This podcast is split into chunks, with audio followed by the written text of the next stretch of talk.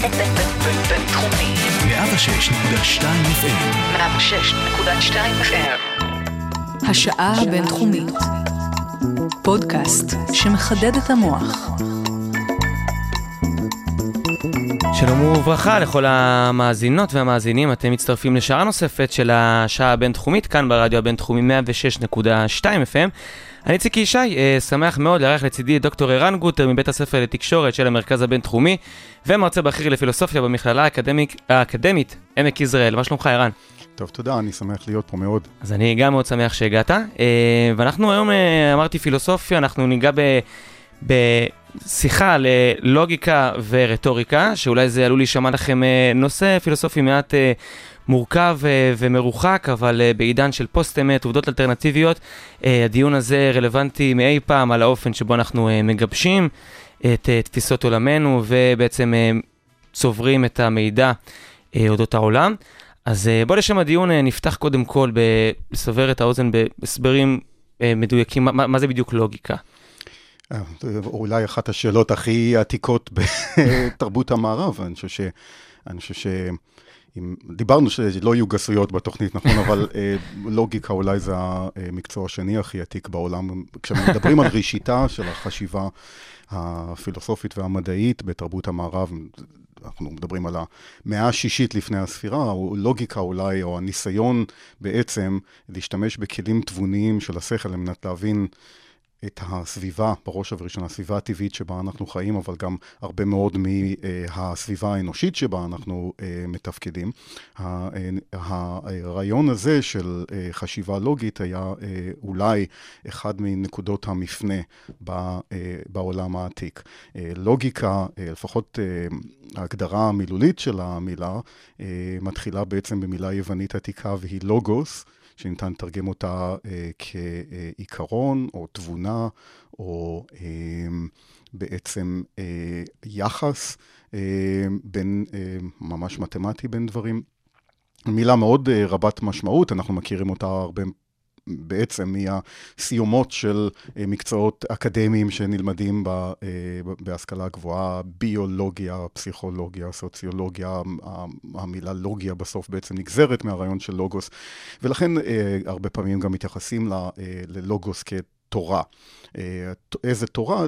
לא תורה שניתנה מסיני, אלא הרעיון של איזשהי מבנה תיאורטי או מבנה תבוני שאנחנו באמצעותו חושבים. בתחומי הדעת השונים. עכשיו, לוגיקה היא בעצם התורה של הלוגוס. Uh, כלומר, uh, זה איזשהו uh, ניסיון באמת גרנדיוזי ונועז בחשיבה הפילוסופית המערבית, לנסות להבין באופן מדויק יותר, או באופן תיאורטי, את עקרונות המחשבה. ולכן לוגיקה באופן טבעי עוסקת בסדרים אה, של המחשבה, במבנים של אה, חשיבה תקינה, או באופן ספציפי אה, היסקים או תהליכים שבהם אנחנו עוברים באופן לגיטימי, ולעיתים גם באופן לא לגיטימי, וזה בדיוק הנושא... כן, תכף ניגע בדיוק שניגע בו.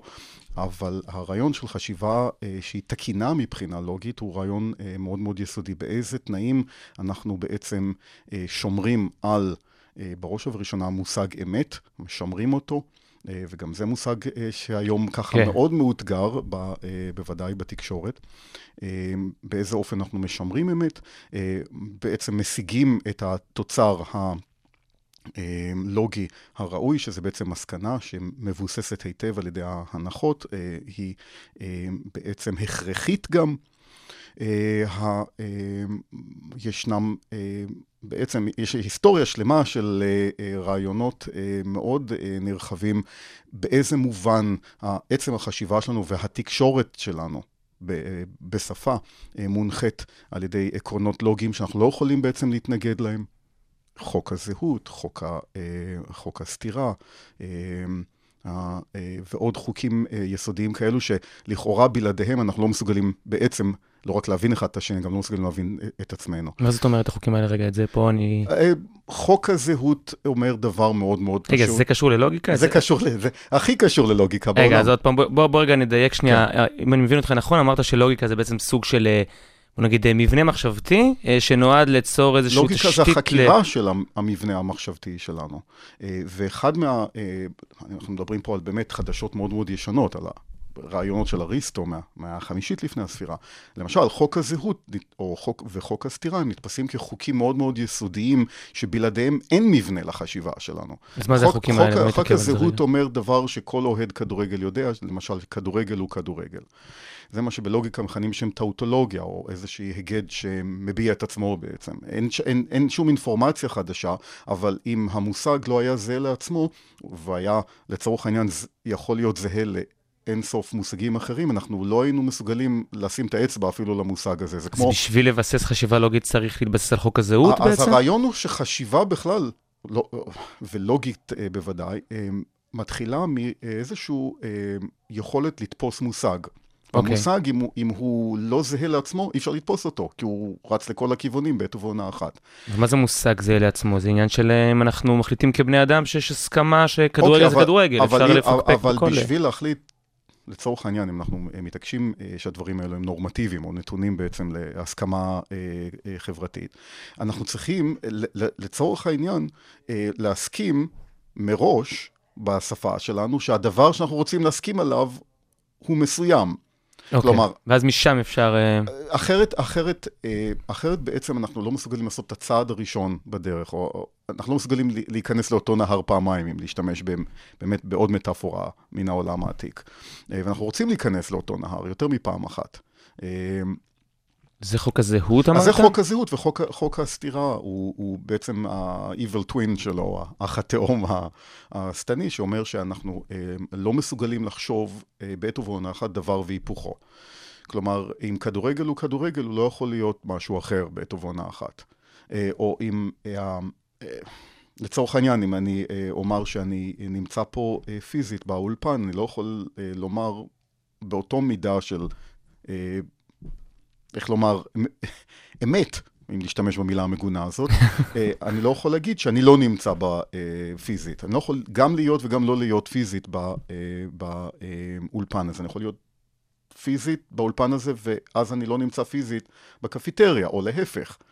אז הרעיון הוא, הרעיון הוא שלפחות בלוגיקה של החשיבה היומיומית שלנו, אנחנו לא ניכנס עכשיו למתמטיקות מסובכות של פאזי לוג'יק וכל מיני אה, אה, רעיונות אה, אה, מורכבים מן הסוג הזה, אבל לפחות בלוגיקה היומיומית שאנחנו באמצעותה מבינים אחד את השני, היא לוגיקה שהיא בעיקרון היא דו-ערכית, יש אמת ויש שקר, ואלו שני ערכים אה, אינפורמטיביים בעצם.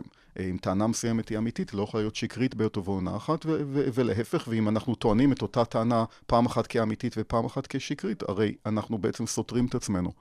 והרעיון של סתירה אה, הוא רעיון אה, מאוד מאוד אה, עמוק, אה, לפחות אה, לפי אה, תפיסות מסוימות אה, תיאורטיות. אה, סתירה הוא משהו שאנחנו לא מסוגלים לחשוב בכלל. אנחנו מסוגלים לבטא, אנחנו מסוגלים לכתוב, בוודאי מסוגלים לומר. אה, שוב, אנחנו מקדימים את המאוחר, אבל אה, כאשר מדברים אה, עכשיו הרבה מאוד על, על חוסר עקביות של... אה, אה, באופן שבו פוליטיקאים מדברים, בראש ובראשונה נשיא ארצות הברית, אה, העיתונות האמריקאית כבר לא מתביישת לכנות אותו בשם שקרן, אה, כמי שבעצם אומר דבר שהוא לא אמיתי, או אומר דבר ואז אומר את ההפך בעת ובעונה אחת, או מיד אחר כך. אה, בוודאי אנחנו יכולים לבטא שקרים בשפה, יכולים לכתוב אותם.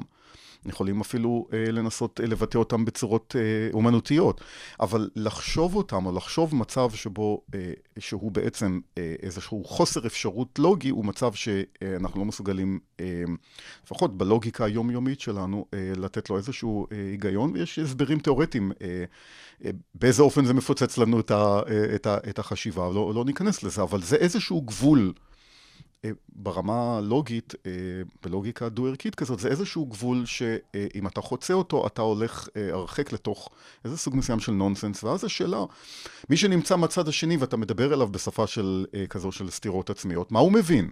אז בשורה התחתונה הוא יכול להבין מה שהוא רוצה בעצם. ועבור, אם אנחנו רוצים לדבר על רטוריקה, עבור הרטוריקנים, לפחות בתנאים המוזרים האלו, הבן אדם בצד השני מוכן גם להסכים איתך, אז הרווח הוא נקי. אז מה טוב. כי לא אמרת אז... שום דבר, והוא הבין מה שהוא רוצה, אבל הוא מסכים איתך, השגת את שלך. כן, בוא, בוא, בוא ברשותך, רק כן. ננסה בקצרה לדייק את, ה, את התבנית הלוגית. כן. כאילו, אני, אני מבין הנחות שעליהן זה מבוסס, החוקים כן. שהגדרת. מה, מה המבנה הלוגי של א', לו א' ולו ב' מתקיימים, ג' חייב להתקיים. בוא רגע נדייק את הסיפור הזה בשביל להבין את, ה, את הדיון על אמת בהקשר מדבר, הזה. אנחנו מדברים על מושג, אה, גם כן, מושגים מאוד מאוד בסיסיים בלוגיקה, למשל אה, תקפות. אז יש סדרה של טענות שאנחנו קוראים להן הנחות, והטענות הללו אמורות להוביל למסקנה. עכשיו, בשביל שהמסקנה תהיה באמת מוצלחת ברמה הלוגית, אז המסקנה צריכה להיות הכרחית, לא עניין של נדמה לי. ולכן, יכול להיות שהמאזינים מכירים את הדוגמאות האלו מבחינות פסיכומטריות, אבל אם אני אומר משהו כמו כל בני אדם הם בני תמותה, טענה אחת, לצורך העניין אה, נקבל שהיא אמיתית, אני עוד לא, לא פגשתי בן אדם שהוא לא בן תמותה, אבל לא יודע. כל בני אדם הם בני תמותה, זו טענה אחת, או הנחה, וההנחה השנייה זה שערן הוא אה, בן אדם. יש שחולקים על זה, אבל בסדר, אה, נקבל אותה גם כן כאמיתית. אז בתרחיש המסוים הזה, של כל בני אדם בני תמותה וערן הוא בן אדם, המסקנה שערן הוא בן תמותה היא הכרחית. כלומר, אין דרך לסתור אותה, או אין דרך להציג כנגדה דוגמה. למה, אבל איפה אתה עוצר את הגבול שבו אתה יכול לקפוא בעובדות? כי אני יכול להגיד, אתה מתבסס, מתבסס על זה שאתה בן אדם... אנחנו לא כופרים, אה, איציק, אנחנו לא כופרים בעובדות לצורך העניין, אנחנו יכולים, וצריך לפעמים לכפור בעובדות, כמובן אם יש לך הוכחה אה, שהטענה שמדובר בעובדה היא שגויה. אה, זה עניין של עימות או אישוש. לפעמים זה עניין אה, אמפירי לחלוטין, לפעמים עניין אה, של המשגה. אבל אם אנחנו, לצורך העניין, מקבלים את העובדות, הרי המסקנה שהראנו בין תמותה היא אה, הכרחית לחלוטין. אה, מכיוון שכל אה, תרחיש אה, שאנחנו מסוגלים לדמיין שבו כל בן אדם הם בני תמותה, והראנו בן אדם, אבל הראנו בן על מוות, יוצר בתוך התרחיש הזה סתירה. ולכן okay. אוקיי. התרחיש הזה הוא לא, הוא לא קוהרנטי, אי אפשר לחשוב אותו לצורך העניין, ואי אפשר גם לגרום למכונה אה, לחשב אותו. מכונות, לפחות אה, מכונות חישוב רגילות, אם, אם הן נתקלות בסתירה לוגית, הן אה, בעצם נתקעות. צריך אה, לפתור את הקונפליקט במערכת. אז זו דוגמה מאוד מאוד אה, מובהקת ל, ל, לתקפות, שזה איזשהו סטנדרט באמת אה, מובהק של אה, תקינות אה, לוגית. לא כל מה שנראה כמו טיעון אה, סביר הוא אה, תקף. אז איפה עובר, אמרת שבהנחה ואנחנו מקבלים את העובדות, אז איפה המקום שבו אתה כופר בעובדות ואומר יש פה כשל לוגי? אז אני, אז אני אומר, כל בן אדם בני תמותה, בואו נקבל שזה אמיתי. ערן הוא בן תמותה, לצורך העניין נקבל את זה אה, אה, אה, כ, כטענה אמיתית, אבל המסקנה, ערן הוא בן אדם. יכולה להיות אמיתית במקרה, אבל יכולה להיות גם שקרית אם אני לצורך העניין, חיה אה, אחרת. אתה מסתכל עליי ואתה רואה בן אדם, אבל אה, אני, אני לא בהכרח מדבר על עצמי, יכול להיות שערן הוא שם של כלב או של חתול או של ירבוע. אה, ואז אה, כל בני, בתרחיש שכל בני אדם הם בני תמותה וערן הוא בן תמותה, אה, זה יכול להיות שקרי שערן הוא בן אדם, כי ערן הוא דג זהב. אבל או... אם אתה אומר כל בני אדם הם בני תמותה וערן הוא בן אדם, אז, אז המסקנה היא שערן הוא בן תמותה. המסקנה, יכול, המסקנה, שוב, כל בן אדם הם, הם בני תמותה ורן הוא בן תמותה, אז לא משייך אותי באופן מובהק לקטגוריה של בני אדם. ואז יש אנשים שיקבלו את זה, את המסקנה הזאת, כמסקנה בהחלט אמיתית, או סבירה לפחות, אבל היא לא הכרחית מבחינה לוגית. זאת אומרת, אנחנו לא קיבלנו איזושהי אה, סיבה תבונית לקבל את המסקנה הזאת אה, בהכרח, מכיוון שיש דוגמה נגדית. עכשיו, אני, אני חושב שבשיח היומיומי שלנו אה, יש איזושהי נטייה, אה, אני חושב שהיא טבעית, לזלזל בערך של דוגמאות נגדיות. מה זאת אומרת? אה, זאת אומרת, אה, מישהו מציג איזשהו טיעון, או משהו שנראה כמו טיעון, עם מסקנה שהיא לא הכרחית. ולצורך העניין, אה, בין השיח, שהוא בן אדם בוא נניח, אה, מיומן מבחינה לוגית, אומר, אבל הנה דוגמה נגדית, ערן הוא לא בן אדם, ערן, תסתכל, הוא יכול להיות גם... הוא אמנם עומד בתנאים שאמרת, אבל הוא לא, הוא לא הוא מתאים בן, למסקנה. הוא בן תמותה, אבל, אבל אנחנו לא יכולים בשום מקרה, על סמך הנתונים אה, שקיבלנו, להתחייב שהוא בן אדם, הוא יכול להיות כל דבר אחר שאפשר להרוג אותו, לצורך העניין, שחייו סופיים, אה, כמו כלב או חתול, או, או כל, כל בעל חיים אחר ש, אה, שהוא בן תמותה. אז זו דוגמה נגדית, ולפעמים התגובה של בעל הטיעון לצורך העניין זה זו דעתך. כלומר, יש איזשהו אה, ניסיון להדוף את הדוגמה הנגדית כהבעת אה, דעה אה, בלבד, אה, בלי להבין שאם אכן אה, ניתן להראות שערן הוא לא בן אדם אלא בעל חיים אחר, אז זה, זה מפיל את הטיעון. פה, פה זה הנקודה החשובה, לצורך העניין, ברגע שיש דוגמה, דוגמה אומרת, חלופית למסקנה, זה אומר שהטיעון הלוגי לא מחזיק בהכרח? זה אומר, זה אומר שהטיעון הלוגי הוא, או מה, ש, מה שנראה כמו טיעון לוגי, הוא בעצם כשל, סובל מכשל צורני. הוא סובל מאיזושהי... ברגע שיש לך איזושהי דוגמה אחרת, כאילו. אם אנחנו רוצים להתחייב על מסקנה, והמסקנה לא מתחייבת אה, במובן הלוגי, ויש דוגמה נגדית, אז אז הטיעון, הטיעון לא תקף בעצם. הטיעון אינו תקף. הטיעון לא תקף הוא טיעון שלא מחזיק אה, אה, הרבה יותר. יכול להיות שיש לו כוח רטורי מסוים, אבל אה, ניתן להתנגד לו, וההתנגדות היא מאוד מאוד חמורה. אני חושב שאחד הדברים המצערים זה שלפחות לפי מה שרואים בשיח בתקשורת, זה שהסטנדרט הזה של חשיבה לוגית הוא באיזשהו סוג של נסיגה בדיון הציבורי. האנשים מרשים לעצמם להתנגד לעמדות אה, נגדיות שהן לצורך העניין עובדות. אז לפני... ואז אנחנו אומרים, הבן אדם לא נותן לעובדות לבלבל אותו, אבל, אבל זה בעיה. כן. זה בעיה, כי השאלה מה הבסיס לדיון. זאת אומרת, האם אנחנו רוצים, אה, כשאנחנו מתווכחים בינינו, האם אנחנו רוצים פשוט אה, לנהל איזשהו סוג מסוים של התנצחות, או דו-קרב, או לראות מי יותר... אה, מי יותר חזק, מי יותר גדול, למי יש קול יותר גדול, או מי יש איזשהו אה, סוג של מרות על השני. כלומר, האם, האם אה, כשאנחנו מתווכחים אנחנו או מנסים אה, להתנצח, או שאנחנו מנסים להבין משהו. אה, אחד הדברים שאני מצביע עליהם פה, זה שלפעמים התכלית של הדיאלוג לא ברורה. כלומר, מה אנחנו רוצים להשיג? אנחנו...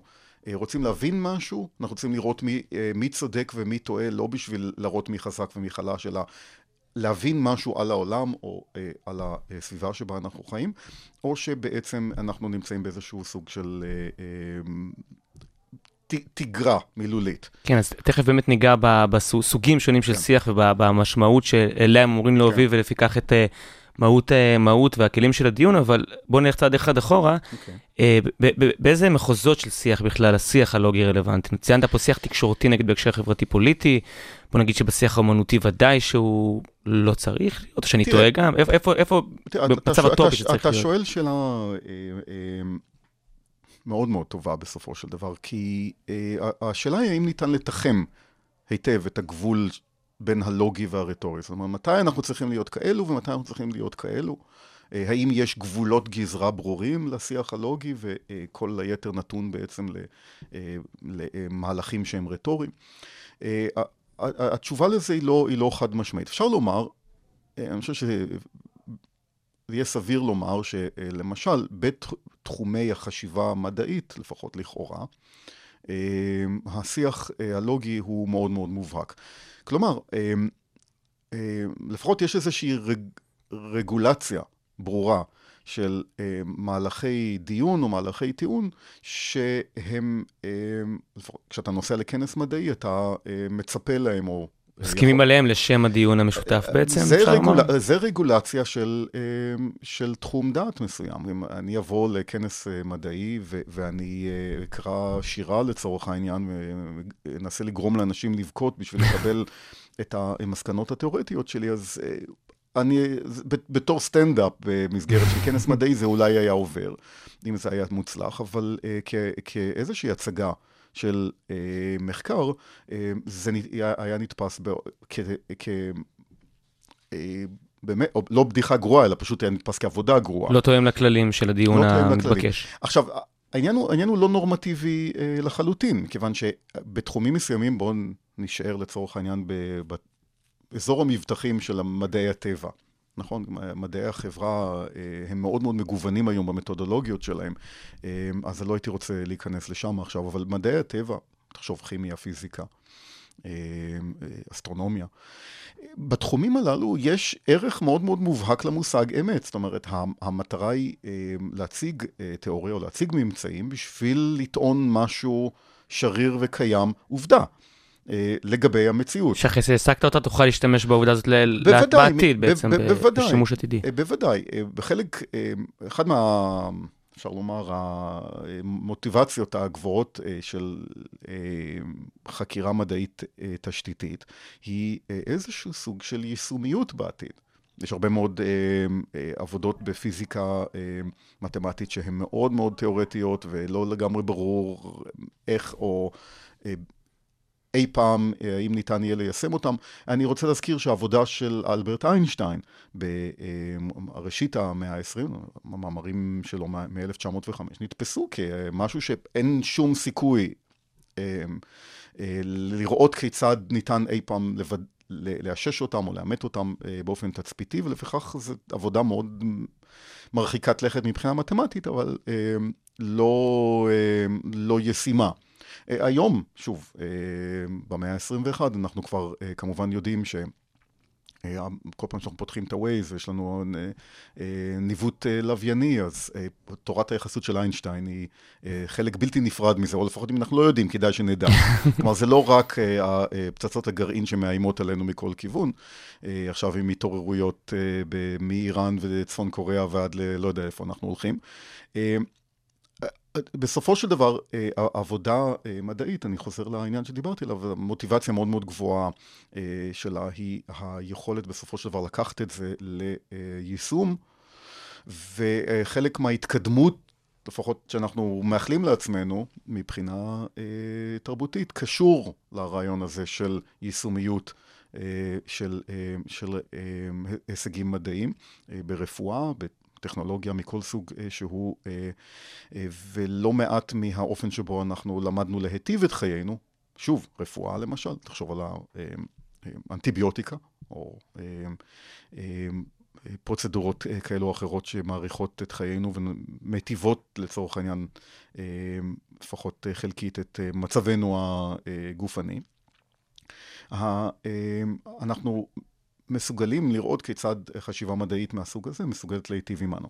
עכשיו, עם, עם הממצאים מדעיים והאופן שבו אנחנו חושבים עליו, המתודולוגיה המדעית, לא הייתה נשענת באופן מאוד מאוד מובהק על חשיבה לוגית, סטנדרטית מן הסוג הזה. תוך, היא לא הייתה מצליחה. בסופ, כן. בסופ, בסופו של דבר, אנחנו לא היינו משיגים את, ה, את התנובה או את התשואה היישומית הזאת, מכיוון שזה היה אה, סוג מסוים של, שוב, נונסנס. אה, זה לא שתיאוריות אה, שבדיעבד התגלו כ... נונסנסיות, או כאלו שאין בהם היגיון אה, מדעי צרוף. אה, לא הועילו לאורך זמן, יש אה, ההיסטוריה של המדע שזורה בכל מיני תופעות מעניינות. אבל בשורה, בשורה התחתונה, אה, וזה גם אה, פואנטה שפילוסוף קרל פופר אה, העלה לדיון אי שם במחצית הראשונה של המאה ה-20. בשורה התחתונה אנחנו נמצאים באיזשהו מצב במדע שיש איזשהו מערכת או קהילה מדעית שמתקנת את עצמה במהלכים של ביקורת עצמית ובעצם זה לוגיקה של הפרחיות או אה, ניתנות להפרחה, אה, ניתנות להפרחה של תיאוריה היא בלתי אפשרית בלי להחזיק באיזשהו סטנדרט לא, אה, לוגי. אז לפחות בזירה המסוימת הזאת של המדע, אז ללוגיקה יש, או צריך להיות מקום מאוד מאוד מרכזי. אבל אני מנסה לומר שבסופו של דבר אנחנו לוגיים, גם, ב, אה, גם בחיי היומיום, או לפחות אה, בחלק מחיי היומיום שלנו, אנחנו אה, ללא צל של ספק לא הוגים האופן שבו אנחנו מסיקים מסקנות. יומיומיות נשען על היכולות הללו. אני חושב שהדוגמה מאוד מאוד יפה, ספרותית אפילו, יש את ה... אה, סיפור שנקרא חקירה בשני של ארתור קונן דויל, שמספר על המפגש הראשון של שרלוק הולמס עם דוקטור ווטסון, או יותר נכון, המפגש הראשון של דוקטור ווטסון עם הבלש המהולל שרלוק הולמס, ודוקטור ווטסון נכנס לחדר ושרלוק הולמס אה, מסתכל עליו ואומר, אה, ah, אתה הגעת עכשיו מאפגניסטן. ודוקטור ווטסון הוא בשוק, הוא חושב הולמס, או שסיפרו לו, או ש... אבל לא נפגשו מעולם, אה, או שהוא איזשהו סוג של קורא מחשבות, אבל אה, אה, הולמס אומר לו, לא, אני, אני, אני לא ניחשתי ולא קראתי מחשבות, אלא בסופו של דבר הסקתי שאתה מגיע מאפגניסטן. ההיסק הזה התחיל בעצם באיזושהי התבוננות באיך שווטסון נראה, והלך דרך שורה ארוכה של שלבי ביניים ומסקנות ביניים אל המסקנה ש... איך שהוא נראה ואיך שהוא אה, מתנהג, אה, הוא, הוא שזוף, הוא נראה קצת פגוע וכולי. אה, הרעיון הוא שהצבא הבריטי היה מוצב גם אז באפגניסטן, אנחנו מדברים על המאה ה-19, אה, ולכן אה, מישהו שהוא רופא צבאי שנראה כאילו שהוא נפגע באיזושהי אה, לוחמה, והוא שזוף, אה, אה, או, או פניו מעידים שהוא אה, היה חשוף לאיתני הטבע, המסקנה היא שהוא הגיע מאפגניסטן אה, עכשיו, וזה בדיוק העניין. אז הולמס אמר, זה לקח שנייה, או שבריר שנייה, להגיע למסקנה הזאת, אבל זה לא אומר שלא יהיו שלבי ביניים. כן. אז התהליך החישובי הזה, תהליך שהוא בעצם, המושג הטכני הוא אינטרוגטיבי, הוא תהליך שבו יש איזשהו מהלך שבו אתה מפנה שאלות. בסדר המתאים למקורות מידע שיכולים להיות תצפיתיים או אחרים, ואתה מקבל אה, מידע ואתה מציב אותו באיזשהו תהליך תקין של היסק, מסייע לך בעצם לדעת דברים. אז, אז אני אומר, זה לא רק התחומים הללו של מחקר מדעי מתקדם, ביום-יום אנחנו נשענים על המיומנויות הללו. אנחנו תכף גם ניגע בשאר uh, תחומי החיים שבהם זה, הד... uh, נמשיך ונעמיק ב... כן. בהקשר הזה בתחומי פוליטיקה והשיח הציבורי. כן. אולי זה הזמן אבל uh, לשיר ראשון, שאתה בטח. רוצה uh, להציג בפנינו? בטח, uh, שום קשר ללוגיקה, לחלוטין, לחלוטין. אומנות טהורה. Uh, באמת אומנות טהורה, אז השיר, השיר הוא um, סיין של דיוויד בורים, האלבום שנושא את השם הזה, אלאדין סיין, מ-1973. משהו מאוד מאוד אישי, מכיוון שאני uh, בגילי המתקדם או שייך לדור שהתבגר עם המוזיקה של בואי והדמות המאוד אה, חריגה, המאוד ככה in between כזה, דמות ביניים כזו בכל מיני מובנים, מבחינה אומנותית, מבחינה מגדרית. הדמות הזאת אה, הילכה על הדור שלי אה, הרבה מאוד קסם, המוזיקה היא נהדרת. ובשיר המסוים הזה יש גם מה שאותי תפס. לפחות בעברי אה, הרחוק בתור פסנתרן, אה, תפס אה, הנגינה של הפסנתרן של בואי דאז, ועד בעצם האלבומים האחרונים שלו, מייק גרסון, שהיה פסנתרן ג'אז, בואי ידע לאסוף את הנגנים המיוחדים האלו, והסולו פסנתר של מייק גרסון בשיר הזה זה משהו באמת שכדאי לפקוח את האוזניים. אוקיי, okay, בואו נאזין.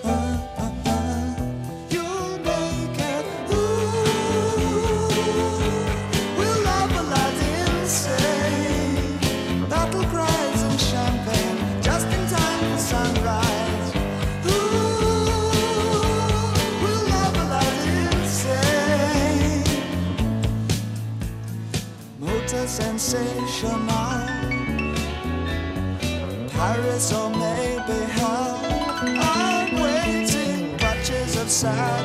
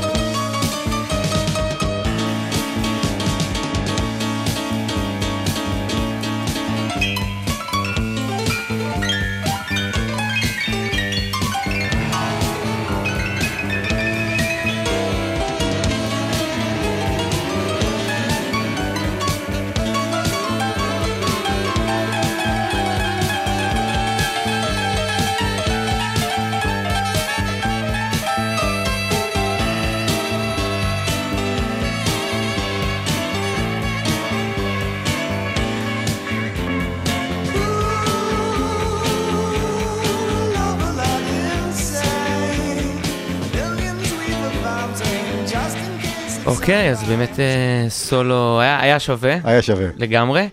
אה, אז דיברנו על כך שלוגיקה זה בעצם אה, מעבר מאמת לאמת, אפשר לומר, ממסקנות אמיתיות, אז ככה, מעובדות... מהנחות או מעובדות, כן. שאנחנו אז... מקווים שהן אמיתיות לצורך העניין. לפיכך המסקנה מתבקשת להיות אמיתית. ואם אנחנו עובדים נכון, ואם אה, המסקנה היא הכרחית, אז היא אמיתית בהכרח. זה, זה איזשהו כן. סטנדרט, ו... שוב, אנחנו יכולים להגיע אליו גם בחיי היומיום, לפעמים זה מאוד מאוד חשוב לנו uh, להגיע אליו, זה לא מחייב, אבל uh, לדעת שהסטנדרט הזה בעצם uh, הוא משהו שניתן להישען עליו, אני חושב שלפעמים הולך קצת לאיבוד. ואני חושב שזה אולי אחד מהמאפיינים המאוד מאוד מובהקים של, של שיח ציבורי, השחיקה הזאת של ההישענות על סטנדרט של חשיבה לוגית. אוקיי, אז אתה, אתה באמת מדבר על השיח הציבורי ועל היכולת או אפשרות לקיים שיח לוגי במרחב הציבורי. כן. והזכרת את זה כבר מקודם, אה, בשנים האחרונות, או אפילו פחות, עולה, הפציע בשמי השפה, מושג חדש, אה, פוסט אמת. אז איך אפשר, א', אני אשמח לשמוע אם יש לך איזשהו, מאיפה נובע בעצם המושג הזה, וגם מה, מה היכולת לנהל דיון על אמיתות מתבקשות בעידן שבו אין אמת.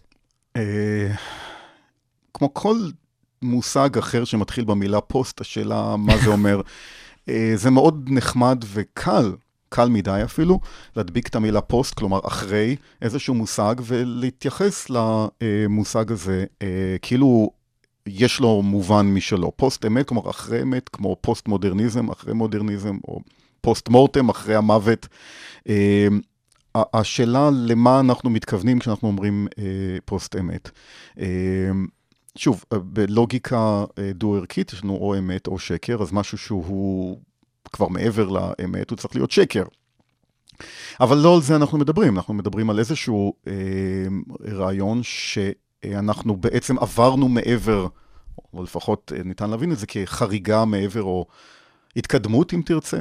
אה, או מישהו בוודאי ירצה להגדיר את זה כהתקדמות מעבר להתקבעות הלוגוצנטרית, ככה הפוסט-מודרניזם קוראים, פוסט-מודרניסטים קוראים לזה, התקבעות אה, לוגוצנטרית, או מונחית, או ממורכזת לוגוס, אה, על הרעיון הזה של אמת כמושג שהוא מוחלט. אה, זה בעצם קריאת תיגר על התפיסה אה, הלוגית כתפיסה שהיא התפיסה הנכונה? ללא צל של ספק. ללא צל של ספק. עכשיו, הקריאת תיגר הזאת, וזו נקודה שאולי חשוב להדגיש, והמאזינים אולי לא, אה, לא מודעים לזה, קריאת התיגר הזאת היא לא חדשה בכלל.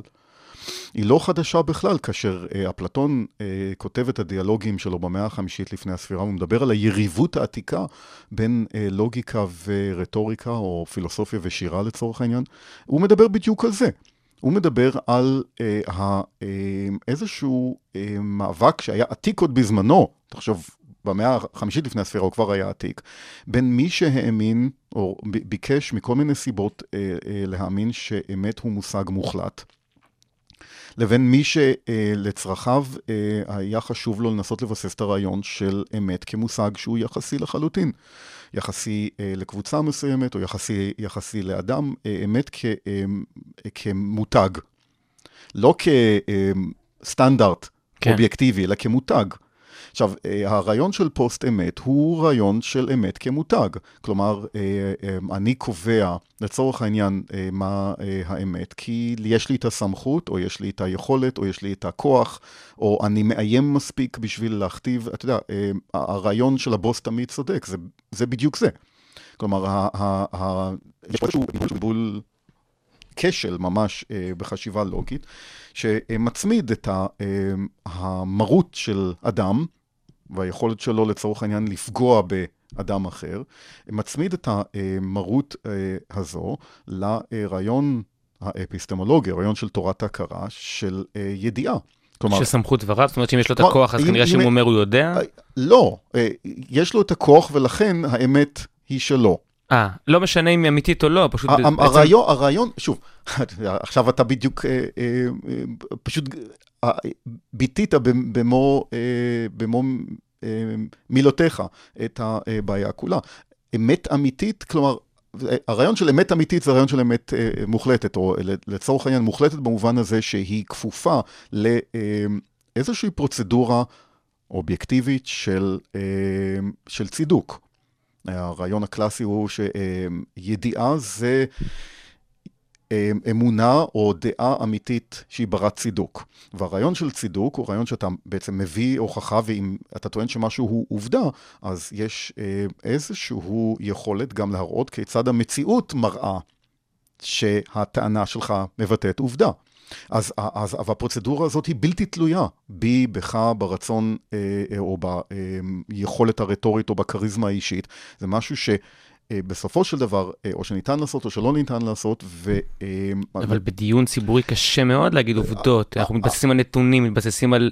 אף אחד לא סומך על אף אחד, על מקורות המידע. זה בדיוק העניין. אז הרעיון הזה של צידוק מאוד מאוד מתמסמס בשיח הציבורי, שאין לו את השהות לבצע בדיקות נרחבות, או אין לו את הסבלנות, בוודאי לא כשיש לך זמן מאוד מאוד מוגבל של שידור, ואתה רוצה להגיד איזה משהו, להתחיל לפרוס מגילה. במידה ויש, גם אם אתה עכשיו מביא לי נתונים של לשכות לסטטיסטיקה כאלו ואחרות, אנחנו יותר מדי מודעים לאינטרסים של בעלי הסמכות בשביל להאמין לאיזושהי עובדה שממנה תנסה להסיק מסקנה, לא? אז זה בדיוק הבעיה. העניין של, כשאתה מביא מסדי נתונים ומתחיל לגזור מהם כל מיני דברים, אתה מקבל הסתברויות. שדברים הם כך או אחרת. וכמובן, האופנים המאוד האופן המאוד מגמתי שלפעמים נתונים אה, מוצגים, אה, כשהם מעוגנים באיזשהו הקשר מסוים אה, או באיזשהו אינטרס מסוים, בוודאי מפקיע את כל המהלך הדיון מה...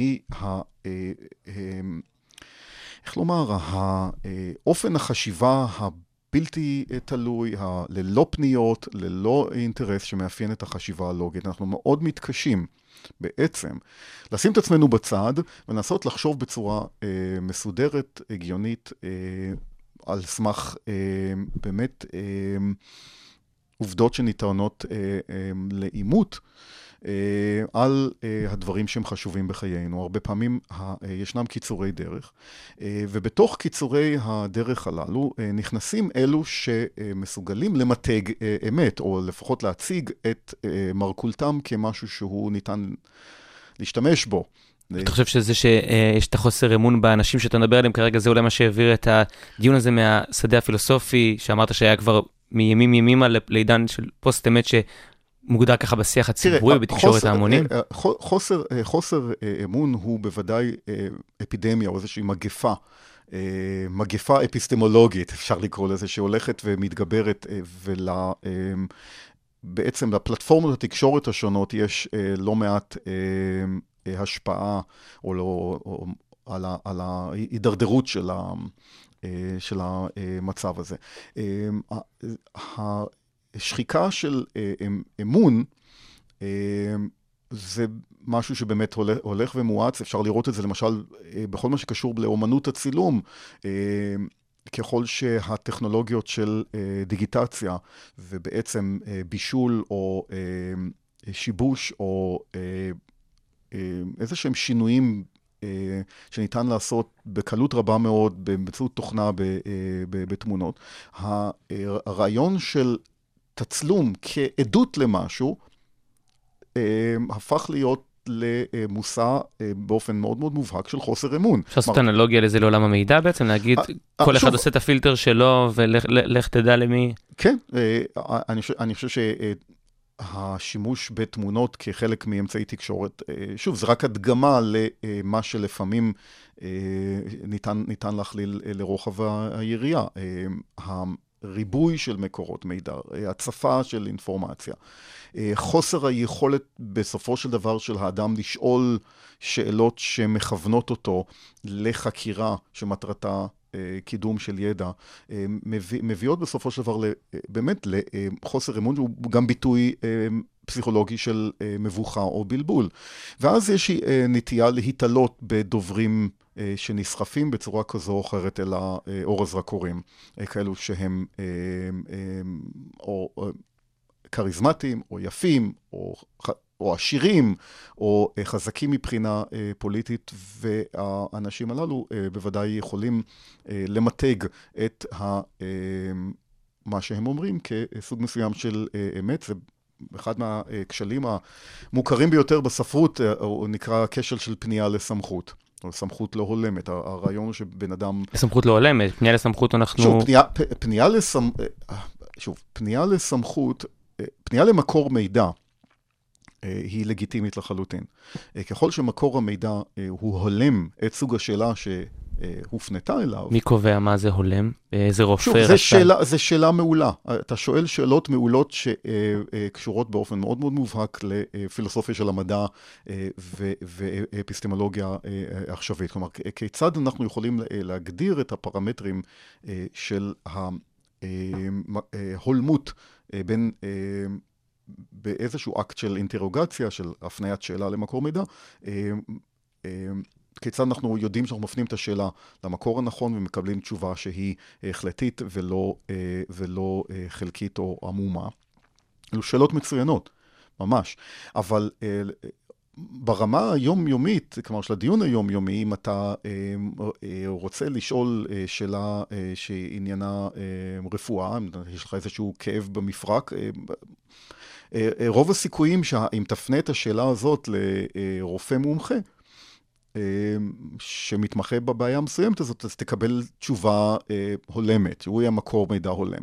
אה, ועדיין, אם אתה מסתכל על הבלוגוספירה, אתה רואה אה, לא מעט אה, נותני אה, עצות ו... מבטיחי הבטחות. לא הולמים. ש, ששוב, הם, הם ייתנו לך תשובה לשאלה הזאת. השאלה, האם הפנית את השאלה שלך למקור הולם, לצורך העניין, היא שאלה, שאלה uh, פתוחה. וההרחבה, וה, לפעמים בלתי סבירה, של uh, מומחיות של אדם מסוים לקשת כמעט בלתי אה, נגמרת של אה, עניינים שבהם הוא מביע את דעתו, היא מצב מאוד מאוד מוכר בתקשורת. בן אדם הוא מומחה ל-X, אבל הוא אה, כבר נשאב אל תוך איזשהו סוג של מרכז גרביטציוני אה, תקשורתי, ואז פונים אליו ושואלים אותו, והוא נותן את דעתו בהרבה מאוד אה, תחומים נוספים, ודעתו מתקבלת כאמת, משום שהוא יש לו סמכות בתחום אחר בכלל. משום שהוא סלב, משום שהוא מוכר לנו, משום שאנחנו יודעים שאפשר לסמוך עליו, משום שהוא היה טייס, או היה אה, אה, מומחה גדול וזכה באיזשהו פרס גדול בתחום מסוים, ולכן הוא יכול להשיב גם על שאלות אה, אחרות. לתקשורת יש הרבה מאוד... אה, אה, אינטרס אה, להתעלות באנשים שהם פרזנטורים טובים. כן. אה, והתוצאה היא, היא כשל מן הסוג הזה. אז תכף באמת נעסוק במשמעויות של הכשל הזה וב... אה... אפשרויות, נקרא לזה ככה, שמונחות בפני השיח הציבורי האחרות. אה, השיר הבא, גם אני אשמח אם תציג אותו בקצרה. Uh, השיר הבא שלי זה התרומה הצנועה שלי לתרבות הכפיים. אני צוחק, זה... זה שיר של עומר אדם, כאמור, כמו שביקשת. לא. קרוב. לא, with all due respect. אה, זה שיר של טום וייטס, שהוא אומן שיצא לי להתוודע אליו כשהייתי חייל. היה לי חבר מאוד אה, טוב אז, אה, והיה לנו איזשהו סוג של אה, דיל שאני מלמד אותו על מוזיקה קלאסית שמאוד אהבתי אז בשנים האלו, כמעט באופן בלעדי, והוא מלמד אותי דברים אחרים, והוא הכיר לי את טום וייטס, שהוא אומן מאוד מאוד מפתיע, אמריקאי. לא ממש מיינסטרימי, אה, גם איכויות הקול שלו הן אה, מיוחדות, גם סוג המוזיקה שהוא עושה, שמאוד מתכתבת עם מוזיקת קברט ותיאטרון מאוד מאוד תיאטרלי. אה, בשנות ה-80 הייתה לו טרילוגיה מופלאה של אלבומים, Swordfishtrombones זה היה הראשון, Rain Dogs זה היה השני, ו Frank, Franks Wild Years, או השלישי, השיר שאנחנו נשמע, שנקרא Clap Hands. הוא מתוך האלבום אה, Rain Dogs, השני בטרילוגיה הזאת, ואני חושב שאפשר לתת למוזיקה ולשירה שלו לדבר בעד עצמה, אבל אה, אני, חושב שאחד הדברים מדהימים אצל תום אה, וייט זה שבכל שיר הוא יוצר כאילו איזה מין... מין, מין מבנה כזה של תיאטרון באוזן, יש תמיד איזשהו סיפור, יש תמיד איזושהי עלילה, יש תמיד איזושהי אווירה, והקול המאוד מאוד מיוחד שלו, שהוא מחוספס כמו נייר זכוכית, אה, עושה את העבודה אה, יפה מאוד.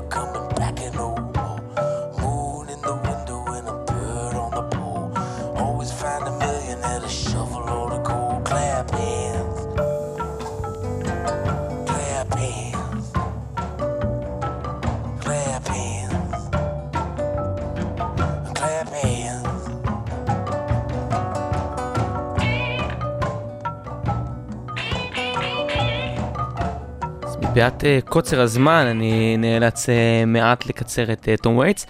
אנחנו מתנצלים. מתנצלים לגמרי. אז uh, אוקיי, הבנתי שאנחנו באיזשהו עידן של התפוררות הלוגיקה במרחב הציבורי, בשיח הציבורי נקרא לזה. ובסאבטקסט, uh, uh, לא רק של דבריך, באופן כללי נוטים להגיד, אוקיי, הלוגיקה זה הרציונל, והרטוריקה, uh, בוא נגיד תרבות ההקשבה לסלב, כמו שאתה אומר, זה... זה יותר אמוציונל, יותר אה, פרסומת, פרסומות, פוליטיקה וכולי, אבל אם אנחנו הולכים עוד צעד אחד עם העניין של הפוסט-אמת, עם הקריאת תיגר על הלוגיקה, אז אני יכול להגיד, לא, אז מי אמר שלוגיקה יותר רציונלי? לי יותר רציונלי להקשיב לאנשים שמשכנעים אותי דרך הפחדים שלי, דרך כן. הרגשות שלי. אה, שוב, אתה מעלה סוגיה מאוד רצינית שלא, בטח נוכל להקיף אותה אה, די הצורך, אבל אני חושב שפה כדאי לעשות איזושהי הבחנה בין לוגיקה ורציונליות. אה, לוגיקה היא ללא ספק סוג של רציונליות, אה, סוג של רציונליות שהוא אה, גם חישובי, סוג של רציונליות שבאופן מאוד מאוד מובהק ניתן גם למיכון, כלומר אתה מסוגל לגרום למכונות לחשוב באופן הזה. ואז הוא מוכיח את עצמו בעצם, אפשר לומר. שוב, זה סוג אחד של רציונליות. אנחנו... בוודאי הרציונליות האנושית אה, היא נרחבת הרבה יותר, אה, והיא כוללת גם אה, מופעים מאוד מאוד מעניינים של השתכנעות באופן רגשי, וללא ספק פנייה לסמכות, כשלים מוכרים אחרים ברטוריקה, כמו, או כשלים לוגיים אחרים שמוכרים ברטוריקה, תיקנתי את עצמי, למשל כמו אה, פנייה לגופו של אדם, אתה מנסה אה, בעצם אה, להוכיח משהו על ידי זה שאתה מתקיף את... את האדם את ולא את הרעיון. את האדם ולא את הרעיון. אז הכשלים הללו שנקראים באופן, באופן כללי כשלים של רלוונטיות, הם מאוד מאוד מורכבים ומאוד מאוד נפוצים, ויש בהם במובן מסוים ערך. זאת אומרת, יש היבט... ערך. בשיח עם כשלים? בוודאי, בוודאי. אנחנו הרי לא יכולים להיות רובוטים, אה, אנחנו לא יכולים להיות לוגיים לחלוטין. אה, והערך ה... אה, הערך החשוב בעצם של ההיכשלות בכשלים הוא הרבה פעמים קיצור של תהליכים.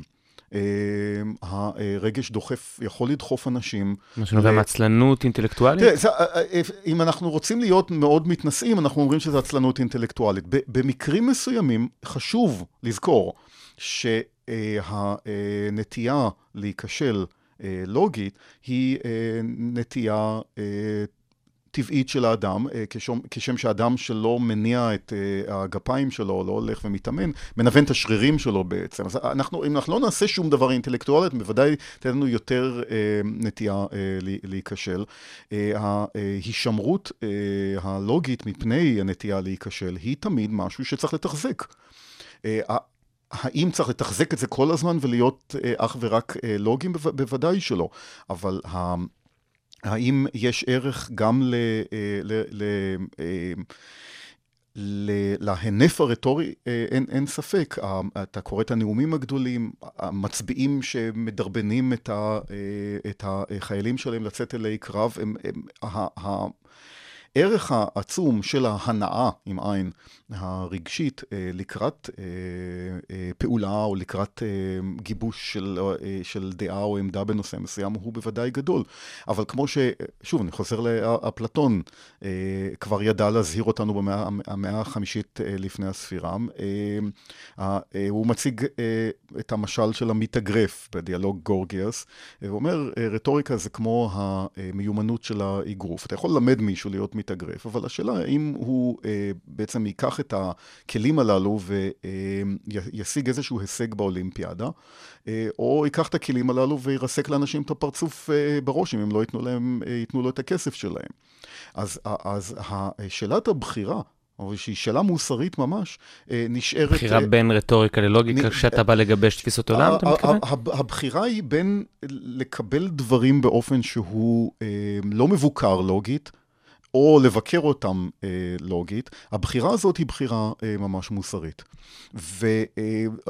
והתשובות הן מגוונות בהתאם לסיטואציה. האם, אה, האם אם אני, לצורך העניין, אה, נכשל, במרכאות כפולות, נכשל בזה שאני אה, רץ לקנות איזשהו אה, מותג מסוים, רק משום שמבחינה רטורית, האופן שבו המותג אה, קודם, אה, נתן לי להרגיש שאני, אה, החיים שלי יהיו שלמים יותר, אם אני, יהיה לי את הנעל המסוימת הזאת, המכונית המסוימת הזאת, או הכובע המסוים הזה. אה, האם, האם אני אה, עברתי איזושהי עבירה, האם אני חטאתי, עוויתי, פשעתי, האם, האם חטאתי לאלוהי הלוגיקה. אין, אין שום היגיון לדבר במובן הזה, אבל, אבל הידיעה שאנחנו יכולים, לפעמים גם צריכים, לבקר את uh, תהליך קבלת ההחלטות שלנו באופן שהוא לוגי, הידיעה הזאת היא, היא, היא משהו שחשוב להנחיל ולפתח. כאשר זה עובד לחלוטין מהשיח הציבורי, אנחנו נמצאים במצב שבו לא ברור על מה מתווכחים, לא ברור מה רוצים להשיג. ברור שיש בעלי אינטרסים שמרוויחים מהערפול ההולך ומעמיק של, ה, של השיח הזה, בעידן של פוסט אמת, בעידן של עובדות אלטרנטיביות. המושגים הללו הם מושגים... זה גם משרת את מהות השיח התקשורתי במובן של הרייטינג וה... אם דיברת על תרבות הסלבים אה, וכולי, אז אה, הרטוריקה הרבה יותר משרתת את האופן הדיון. בוודאי, השאלה, השאלה, ושוב, היא מופנית, מתגלגלת אל האדם. אה, היומיומי לחלוטין. השאל, השאלה היא האם אנחנו חייבים להיות קורבנות של הצורך של קונצרנים ו, ו, ומבנים בעצם של כמו, כמו מערכות תקשורת, האם אנחנו צריכים אה, להיות קורבן של הצורך שלהם להגביר את הרייטינג ולמכור אה, פרסומות במחיר גבוה יותר, אה, או האם אנחנו יכולים לצרכים לדרוש שלנו... לדרוש שיח אחר. אפילו להתנגד לקבל רעיון כמו עובדות אלטרנטיביות. כלומר, רעיון שמפמפמים אותו די הרבה, שוב, כמו פוסט אמת, כאיזשהו מושג שיש לו איזשהו, איזשהו ממש. המושג הזה הוא ריק, ריק מתוכן. עובדה אלטרנטיבית היא פיקציה, בדיה. אז האם אנחנו חייבים לקבל בדיות כאיזשהו uh, מיתוג של אמת או לא? הבחירה הזאת היא, היא פתוחה, ולכן ה, ה, ה, היכולת לפתח uh, יכולות לוגיות לא אמורות להחליף את המהות האנושית שלנו כיצורים שהם גם רגשיים וגם אה, בסופו של דבר גחמניים. אה, אנחנו בוודאי לא רוצים לשנות את, אה, את האופי האדם, אבל לשכלל את היכולות הללו תמיד, תמיד כדאי, משום שההתנגדות לשיח הזה היא, חשיב, היא חשובה לא פחות מהיכולת בעצם לזרום איתו. אז ככה שאולי לכל הפחות, אם אני מבין אותך נכון, חובה עלינו לפחות להציף את האופציות השונות לדיון הציבורי, שאנשים יבינו על בסיס מה הם מגבשים את תפיסת עולמם. רטוריקה, לוגיקה, שניהם, שניהם לגיטימיות, אבל שיהיה מודעות. היום יש תחושה, כמו שדיברנו על זה כן. כבר, שהלוגיקה בעצם נעדרת לחלוטין מהשיח ו- ולא ברור בכלל על מה מתווכחים. תראה, אה, אה, בראש ובראשונה, כן, ובראש ובראשונה תחשוב אה, על, אם אנחנו מדברים על עובדות אלטרנטיביות, תחשוב למשל כמה מוזר זה בעצם שבן אדם מדבר על, על, על הזכות לה, להציג את העובדות האלטרנטיביות, לא רק במונחים של משהו נורמטיבי, כי לי יש את הזכות לדעה שלי, אלא הזכות שתהיה לי דעה משלי, הזכות להציג כביכול עובדה אלטרנטיבית, היא הזכות גם להיות צודק. שזה הבעיה העיקרית בעצם. הזכות להבעה אה, של רעיון מסוים, בדוי אפילו, קיימת. אבל um, היכולת להביע, אה, או הזכות הזאת, לא, לא מקנה לאף אחד את התוקף, את כן. התוקף של, של צודק. אלא אם כן, אתה באמת נמצא באיזושהי עמדת כוח, ואתה משליט איזה סוג, סדר, סדר דיון או סדר שיח מסוים. ואני אומר, לזה אפשר להתנגד, לפעמים גם רצוי. אוקיי, okay. דוקטור ערן גוטר מבית הספר לתקשורת של המרכז הבינתחומי כאן בהרצליה ומרצה בכיר לפילוסופיה במכללה האקדמית עמק יזרעאל. היה לי מרתק לשוחח איתך. אנחנו uh, ניפרד uh, עם השיר האחרון שבחרת לתוכנית. Uh, כן, uh, דבר ראשון, תודה שהזמנת אותי לשיחה. היה לי כיף גדול. גם לי היה ממש ממש כיף פה באולפן. Uh, השיר האחרון הוא בעצם סטנדרט ג'אז, אני חובב ג'אז uh, כבר המון המון המון שנים. Uh, השיר נקרא uh, Teach Me Tonight, ואני חושב שמעבר לא, ל, ל, לזה שזה שיר מדליק, הוא גם משלב uh, ש, uh, בעצם... הוא מציג איזשהו שילוב בין מצד אחד אה, רעיון של הוראה, מצד שני רעיון של אה, מעשה אהבה. אה, שזה בחוויה שלי אה, שילוב אה, מאוד מאוד חשוב, אה, אני אוהב ללמד ואוהב ללמוד, ושיר אהבה שעניינו למידה והוראה הוא נפלא. הזמרת היא... סרה וון, אחד מהקולות הכי גדולים אה, אה, של אה, עולם הג'אז, יחד עם זמר אה, נפלא נוסף בשם ג'ו וויליאמס, ומלווה אותם התזמורת של קאונט בייסי, וזה באמת תאווה לאוזניים.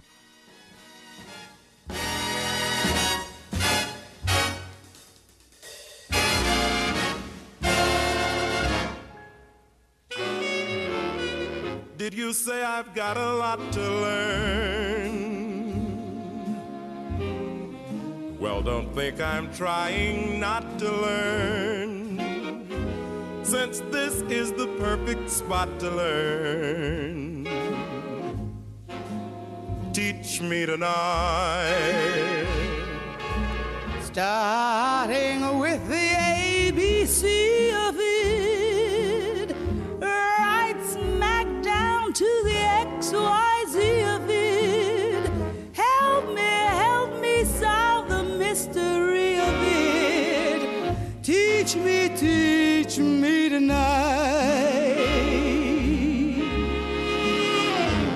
sky is a blackboard high above you. If a shooting star goes by, I'll use that star to write I love you a thousand times across the sky. One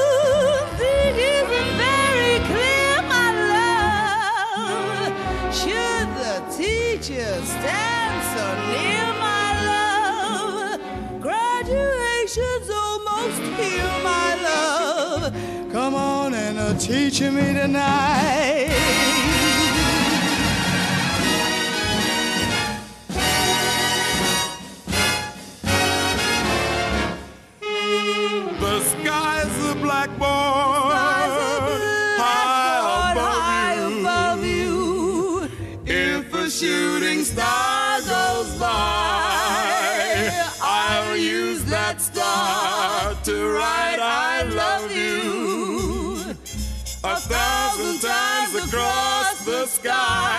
One thing isn't very clear, my love. Should the teacher stand so near, my love?